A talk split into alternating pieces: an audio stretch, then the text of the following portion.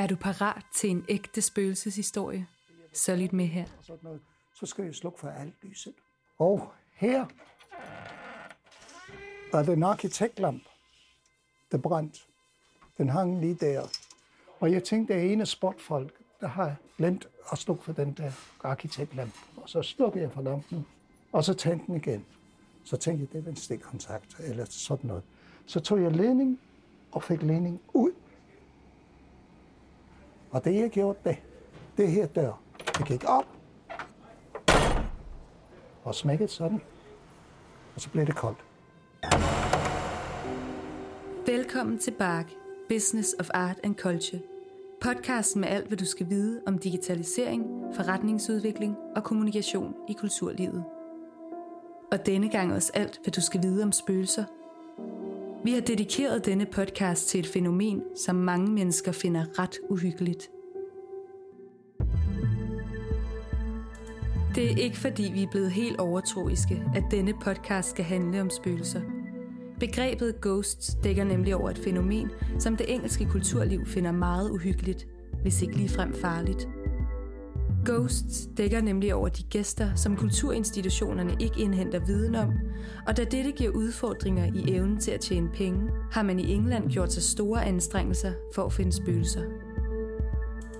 For at forstå spøgelser bedre, både dem i kulturlivet og dem i den overnaturlige verden, har vi valgt at dykke ned i tre kendetegn, der karakteriserer et rigtigt spøgelse.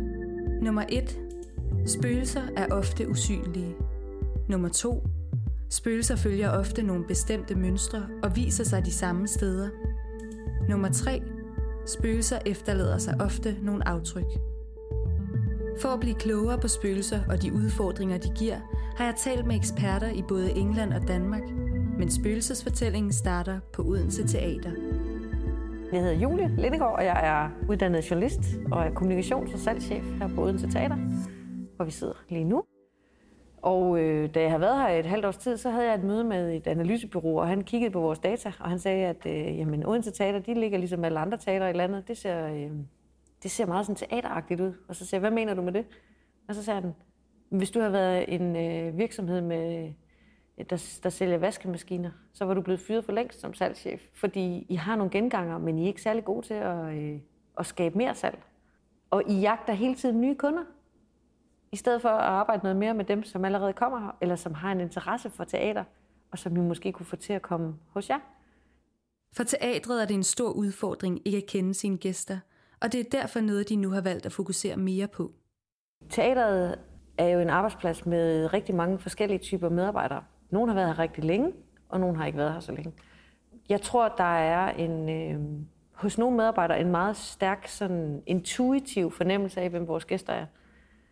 Det kan jo være rigtig værdifuldt, når vi skal øh, vælge forestillinger og finde ud af, hvordan vi skal sætte dem op, og hvem der skal spille hvad for nogle roller og sådan noget.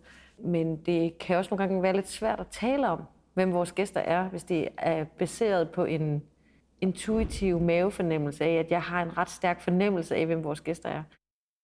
Julie fortæller, at hun nu skældner mere mellem den opgave, det er for nye gæster i huset, og det at sælge mere til de eksisterende kunder. Altså, vi har sådan en publikumsanalyse, vi får opdateret, hvor, som trækker data fra vores øh, billetsystem. Og den kan vise noget om, hvor mange kommer igen, øh, hvor bor de henne, hvor mange penge bruger de for, hvor lang tid før køber de deres billetter, hvad for nogle typer forestillinger går de efter. Og det er jo øh, kernen i de 100.000 gæster, som vi får ind ad døren. Det er jo dem, der, der er med til at drive det her teater. Men hvem er det, som står lige på den anden side af dem? Hvordan får vi dem til at komme her?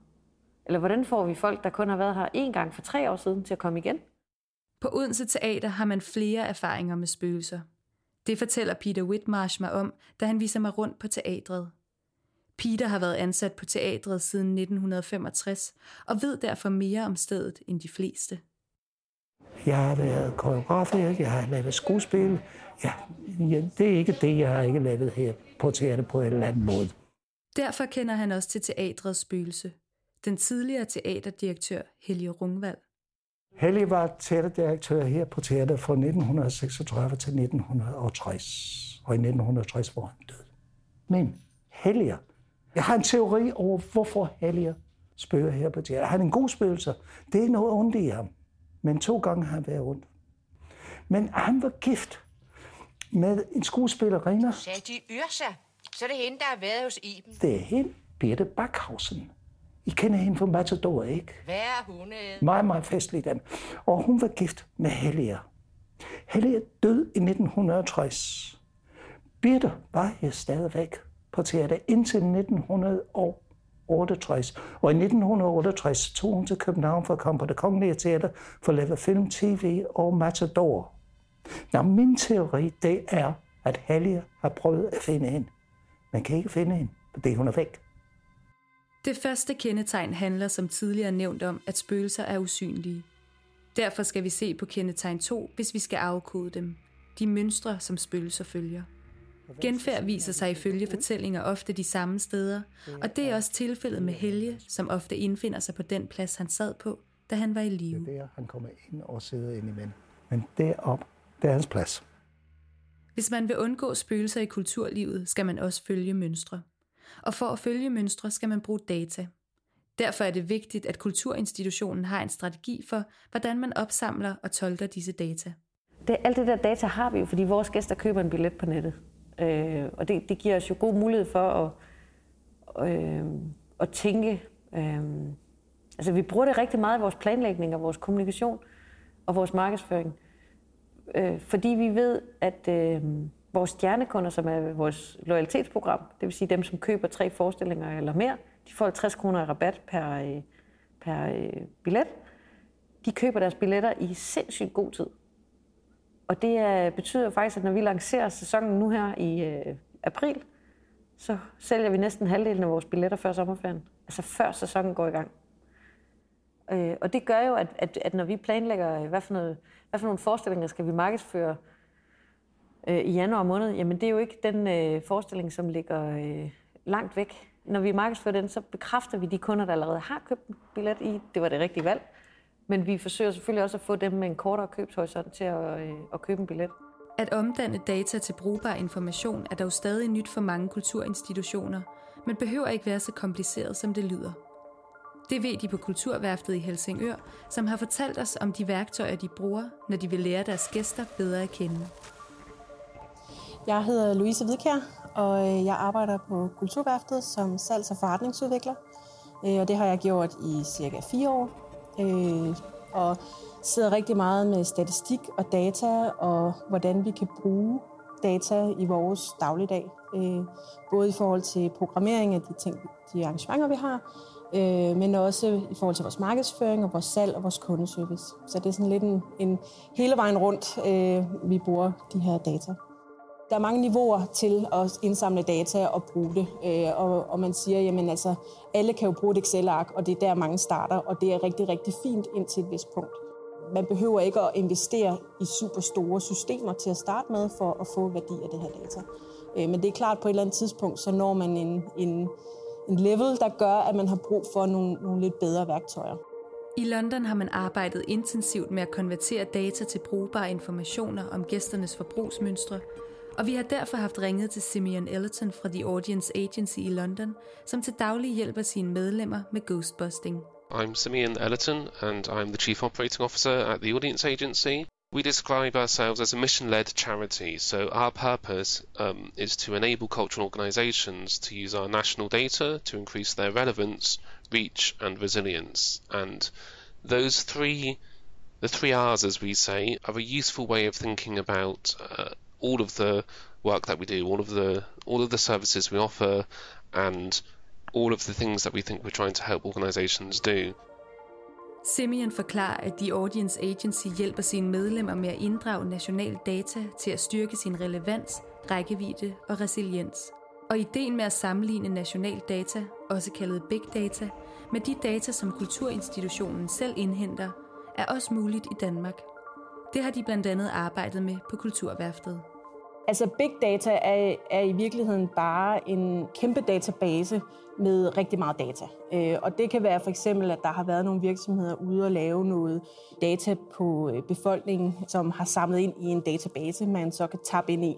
Øh, Konsum har for eksempel lavet noget, hvor de har mappet forskellige grupper af danskere osv. Det kan også være kommunens database, Danmarks Statistik, er en kæmpe database. Så big data er egentlig bare, hvad det siger, øh, rigtig meget data. Jeg tror ikke, det er der, man starter. Øh, jeg tror, man lige skal kigge lidt ind af først og, og se, hvad er det for noget data, man selv har, øh, og så på et tidspunkt koble det op med øh, de her store summer af data.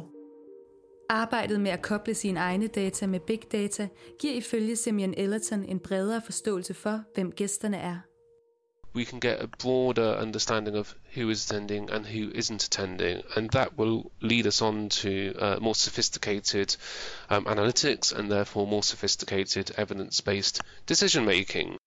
Det skaber et bedre grundlag for at træffe de rigtige beslutninger, blandt andet i forhold til markedsføring og tilrettelæggelse af programmer. Det kan være svært at ramme alle målgrupper, når man tilrettelægger et års program, og det ved de på Kulturværftet. Derfor har chef og kunstnerisk leder Michael Fock skabt et stærkt redskab til dette, et kulturkompas. Kulturkompasset, det er et kompas, øh, hvor man i stedet for at navigere på havene, verdenshavene, så kan vi navigere i et farvand, som måske er endnu mere farfuldt, nemlig det kulturelle farvand. Kulturkompasset er skabt som et visuelt kompas med flere forskellige funktioner. En af kompassets styrker er, at det gør det nemt for Kulturværftet at have overblik over, hvilke målgrupper institutionens arrangementer henvender sig til. Man kan se det lidt som et kors- eller koordinatsystem, der ved hver akse har en målgruppekategori. Vi har jo et opdrag også på, at vi skal både kunne være elitære og folkelige, og så skal vi være traditionelle og nyskabende. Og det er sådan et kors, kan man sige. Og vi skal ikke ligge øh, kun et sted. Vi skal ligge imellem øh, to punkter hele tiden. Altså det vil sige, vi har jo program og indhold, som er elitært nyskabende. Det er jo en klikfestival for eksempel. Men vi har også noget, der er folkeligt nyskabende, øh, som kunne være en knejpefestival. Og vi når hele kompasset rundt. Og vi måler på det. Vi har det helt inde i vores CRM-system. Når, når, når programmedarbejdere laver program, jamen så er de inde og hakke af ved, ved deres arrangementer. Er de elitært nyskabende, eller er de folkelige, traditionelle, eller hvor ligger de henne? Men kompasset har også en anden funktion, nemlig at det skaber en måde at tale sammen internt for bedre at forstå gæsterne. Grunden til, at jeg lavede det øh, kompas, øh, da vi egentlig startede, øh, åbnede huset, det var for, for at få et redskab til at programmere. Men det var også en mulighed for at få et fælles sprog mellem medarbejdere og øh, mellem os, som laver program, og også dem, der skal være en del af programmet, og dem, der øh, kommer ind i huset på forskellige lederkanter, sådan at vi egentlig kan sige, jamen, hvad, er, hvad er det, vi pejler efter. Vi er nået til det tredje og sidste kendetegn. At spøgelser efterlader sig nogle aftryk. For arbejdet med at lære sine besøgende at kende giver en række fordele, og det har Kulturværftet i Helsingør erfaret. Vi har brugt det i vores kundeservice. Øhm, for et par år siden havde vi Sting heroppe, øh, hvor vi havde 7.000 mennesker ude på vores forplads. Og i den forbindelse, der øh, havde vores øh, publikumsansvarlige hernede øh, et lille blik på, hvor mange mennesker, der rent faktisk var kommet ind, altså få scannet deres billetter. Og der kunne vi pludselig se, at øh, en time før koncerten var der faktisk ikke særlig mange inde på pladsen, selvom vi havde et stort setup øh, med, med mad og så videre. Og det vidner jo om, at jamen, lige om lidt, så kommer der et kæmpe ryg. Og derfor så åbnede vi en langt flere øh, linjer, hvor man kunne få scannet sine billetter, og det gjorde bare, at øh, ja, køen til at kunne komme ind var meget, meget lav. Så ligger der en kæmpe værdi i at gå ind og kigge på de data, og det kræver ikke en special viden for at starte op. Vi lagde det her meget bløde kompas ind i verdens hårdeste system, nemlig et CRM-system hvor du måler på alt, hvad der kan måles. Ikke? Customer Relation Management, ikke? det er økonomi, det er ressourcer, det er teknik, det er hvor mange kommer der, hvor længe bliver de der, og hvor meget skal de have, og alt det der. Og det, der var, jeg synes var interessant, det var at sige, jamen, kan vi kombinere den her meget systemiske verden, som vi bliver nødt til at lave. Vi lavede vores eget CRM-system fra starten af. Og vi lavede det helt parallelt øh, med det her. Øh, og kan vi så merge det der? Kan vi hænge for de der til at hænge sammen? Og det har vi altså gjort. På Odense Teater er arbejdet med at lære gæsterne at kende stadig ukendt territorie, men Julie er optimistisk. Jeg tror, vi kan blive meget bedre til at blive øh, bevidste om, hvem er de kunder, der allerede kommer her, og hvem er de kunder, som vi måske kan nå. Ikke? Så når du kommer om et halvt år og siger, hvordan har du så arbejdet med det, så håber jeg, at jeg kan blive bedre til at sige, at vi gør det her, fordi sådan og sådan og sådan. Og apropos ukendt territorie, så har Peter fra Odense Teater ført mig igennem et utal af aflåste døre, smalle korridorer og op og ned ad stejle trapper. Og nu står vi inde i den gamle skuespillerfoyer.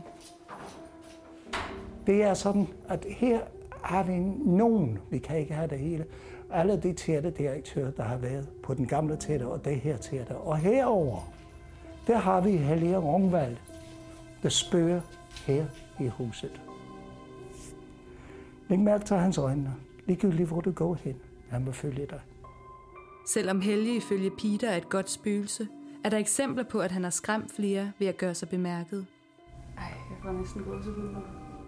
Som da en lille pige fortalte om sit møde med Helge. Nej, han er fandme snobbet. Jeg mødte ham op på anden balkon, og han ville ikke sige goddag til mig. Men se, vi fortæller ikke børnene, at det er spøgelser her i huset. Så hvor skulle hun vide det fra? Og derfor kan jeg heller ikke lade være med at tænke på, om Helge har en finger med i spillet i det næste, der sker. Og øh, sukkerkogeri eller olien, så skal vi have et rum, der er tre gange så stort som det her.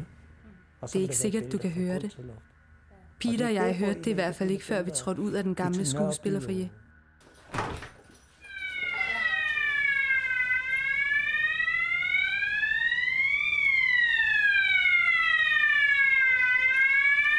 Vi bliver nødt til at gå over. Jeg tror, det er brandalarm.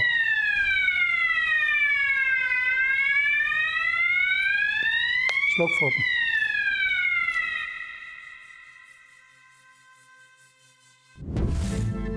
Hvis ikke du er blevet helt skræmt af de spøgelseshistorier, der er blevet fortalt i denne podcast, vil jeg anbefale dig at kigge forbi vores masterclass om ghosts. Her kan du nemlig møde Louise og Michael, som glæder sig til at fortælle dig om Kulturværftets kompas og hvordan de omdanner data. Du kan også møde Simeon fra The Audience Agency, som vil give dig sin bud på, hvordan man kan arbejde med konverteringen af ghosts og dermed agere ghostbuster. Du har lyttet til en podcast produceret af podcaststudiet i Bark, Business of Art and Culture. På vores hjemmeside finder du information om tid og sted for masterklassen, og her kan du også læse meget mere om de kulturelle spøgelser samt Kulturværftets kulturkompas. Husk at tilmelde dig vores nyhedsbrev, hvis du vil være sikker på at få bragt alle vores nyheder og podcast direkte til din indbakke. Og tøv ikke med at tage kontakt til os, hvis du har en opfordring til en god podcast case. Tak fordi du lyttede.